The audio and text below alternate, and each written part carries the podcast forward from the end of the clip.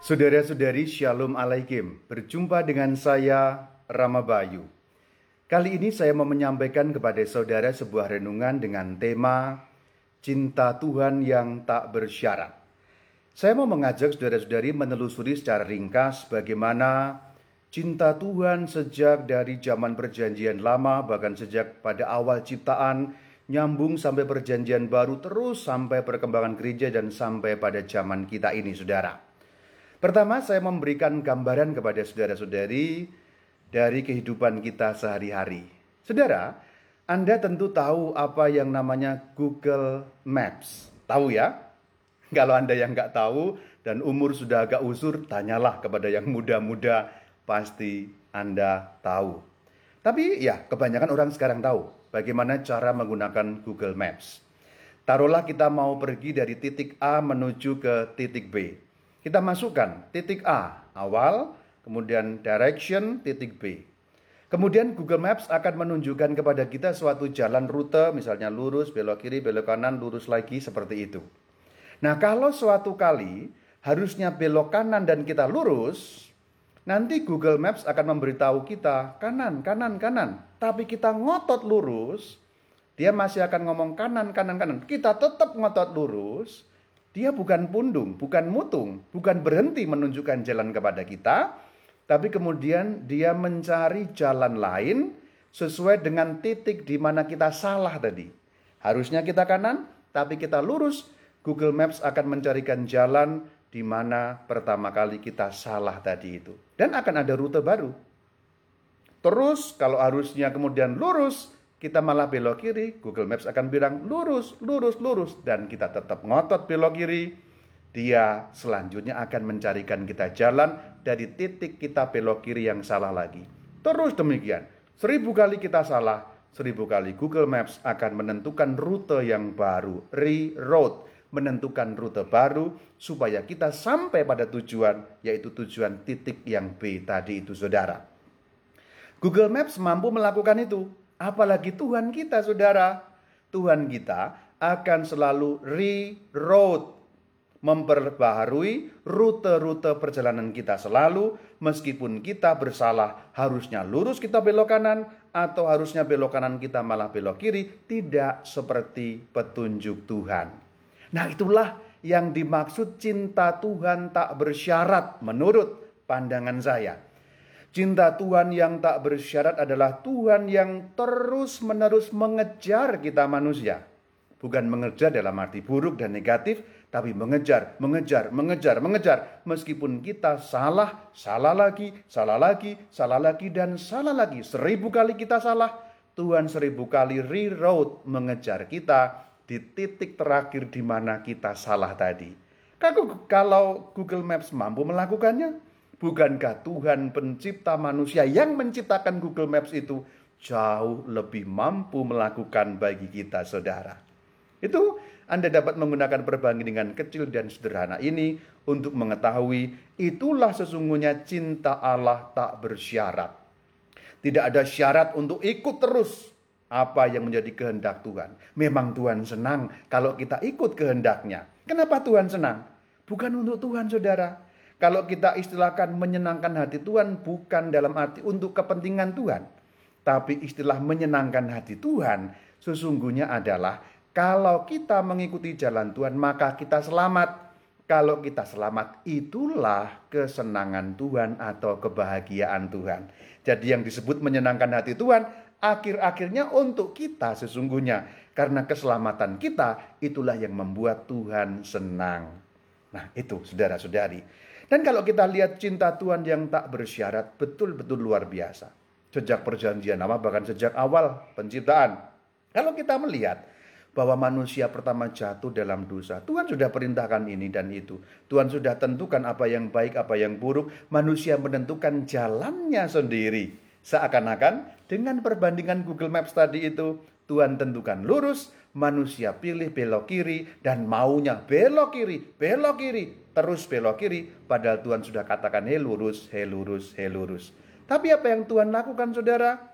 Tuhan katakan bahwa akan ada sang penyelamat yang dijanjikan dalam kejadian 3 ayat 15 yang dalam tradisi teologis gereja katolik disebut proto evangelium. Proto awal evangelium Injil, Injil awal yang sudah disampaikan sejak zaman jatuhnya manusia-manusia pertama, yaitu putra si perempuan yang akan meremukan kepala ular. Inilah nubuat gambaran tentang baginda Yesus junjungan kita yang akan menyelamatkan kita menginjak kepala meremukan kepala ular. Jadi itu cinta tak bersyarat pertama. Manusia memang harus keluar dari Taman Eden, tapi kemudian Tuhan menunjukkan jalan. Tuhan menunjukkan jalan lain untuk kembali ke Taman Eden.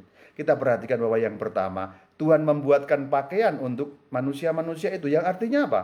Berarti sudah ada kurban. Kurban seakan-akan penebus dosa, ada hewan yang disembelih dan dikurbankan, dan kemudian apa namanya kulitnya itu dipakai untuk pakaian manusia dan terus berlanjut. Dosa makin membesar. Manusia yang kedua dan yang ketiga, kakak adik itu saling membunuh. Apakah Tuhan menyerah? Tidak, saudara. Kejahatan makin berkembang, makin berkembang, makin berkembang. Akhirnya Tuhan sampai pada suatu keputusan untuk membasuh dosa-dosa manusia itu dalam air bah, saudara. Apakah ini suatu hukuman? Tampaknya ini suatu hukuman.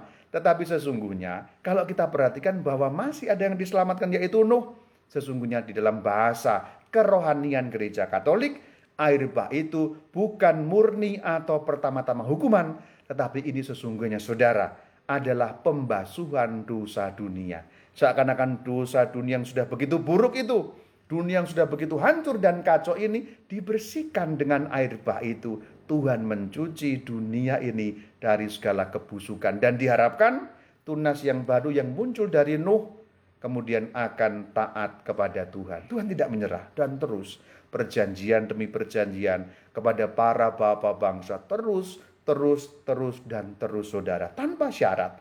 Apakah Abraham itu taat? Betul memang taat. Tapi apakah dalam perjalanan waktu Abraham selalu taat? Ternyata tidak saudara. Yang Tuhan rencanakan janji keturunan dilanggar sama Abraham. Tuhan menyerah saudara?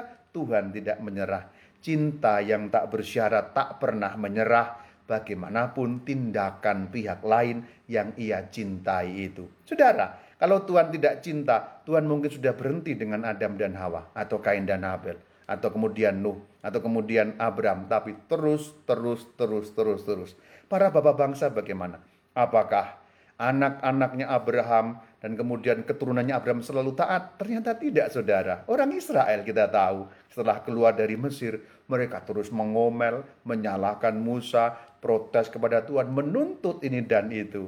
Bahkan kemudian setelah mereka memiliki tanah, punya negara, dan mereka dapat membangun masyarakat, penindasan, penindasan demi penindasan mereka lakukan dan saling mereka lakukan, saudara. Ketidakadilan terjadi. Tuhan menyerah? Tidak. Tuhan serahkan mereka, Tuhan buang mereka ke tempat yang jauh, suatu pemurnian untuk mengganti hati yang lama itu dengan hati daging, dengan hati yang baru. Seperti dikatakan oleh para nabi. Tuhan tidak menyerah saudara. Terus nyambung ke perjanjian baru. Inilah cinta tak bersyarat. Tuhan Yesus Kristus datang, firman Allah yang menjadi manusia itu datang, memanggil murid-muridnya. Saudara, apakah murid-muridnya selalu setia? Oh tidak, saudara mereka tidak mengerti, sering tidak mengerti pelajaran yang disampaikan Sang Kristus junjungan kita. Tapi selain itu, bahkan di detik-detik yang sangat menentukan. Artinya apa? Pada saat Sang Kristus membutuhkan kehadiran mereka, pada bagian-bagian terakhir dari hidupnya, mereka pergi lari terkencing-kencing menyelamatkan hidupnya sendiri-sendiri.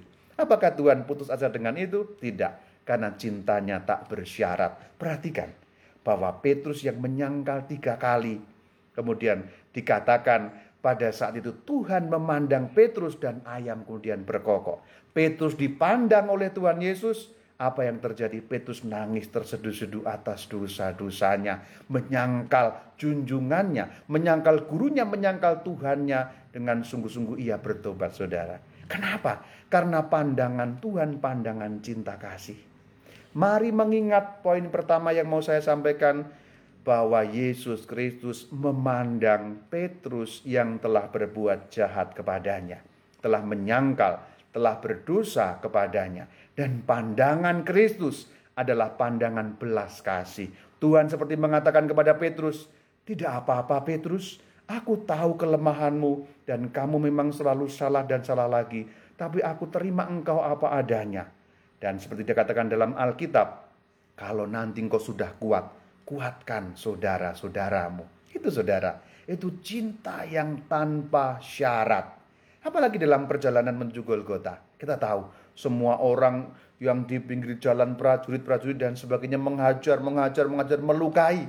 Tapi baginda Yesus junjungan kita bisa mengatakan apa? Ampunilah mereka karena mereka tidak tahu yang mereka lakukan, saudara. Apa itu bukan cinta tanpa syarat? Sehabis-habisnya, mengosongkan diri yang sehabis-habisnya. Tuhan mengejar kita selalu saudara. Tuhan tidak rela kita jatuh ke dalam cengkeraman iblis yang seperti singa yang mau mencari mangsanya. Ayo, senangkan hati Tuhan. Apa maksudnya senangkan hati Tuhan? Tuhan senang kalau kita bertobat. Tuhan senang kalau kita berada dalam pangkuan dan rengkuhan tangannya. Kalau kita berdosa, kita akan memandang Sang Kristus, pandang salibnya. Dan dari salib itu seakan-akan Tuhan Yesus sedang memandang kita seperti beliau memandang Petrus yang telah bersalah itu. Dan beliau mengatakan kepada kita, Bayu, tidak apa-apa. Aku tahu engkau begitu lemah.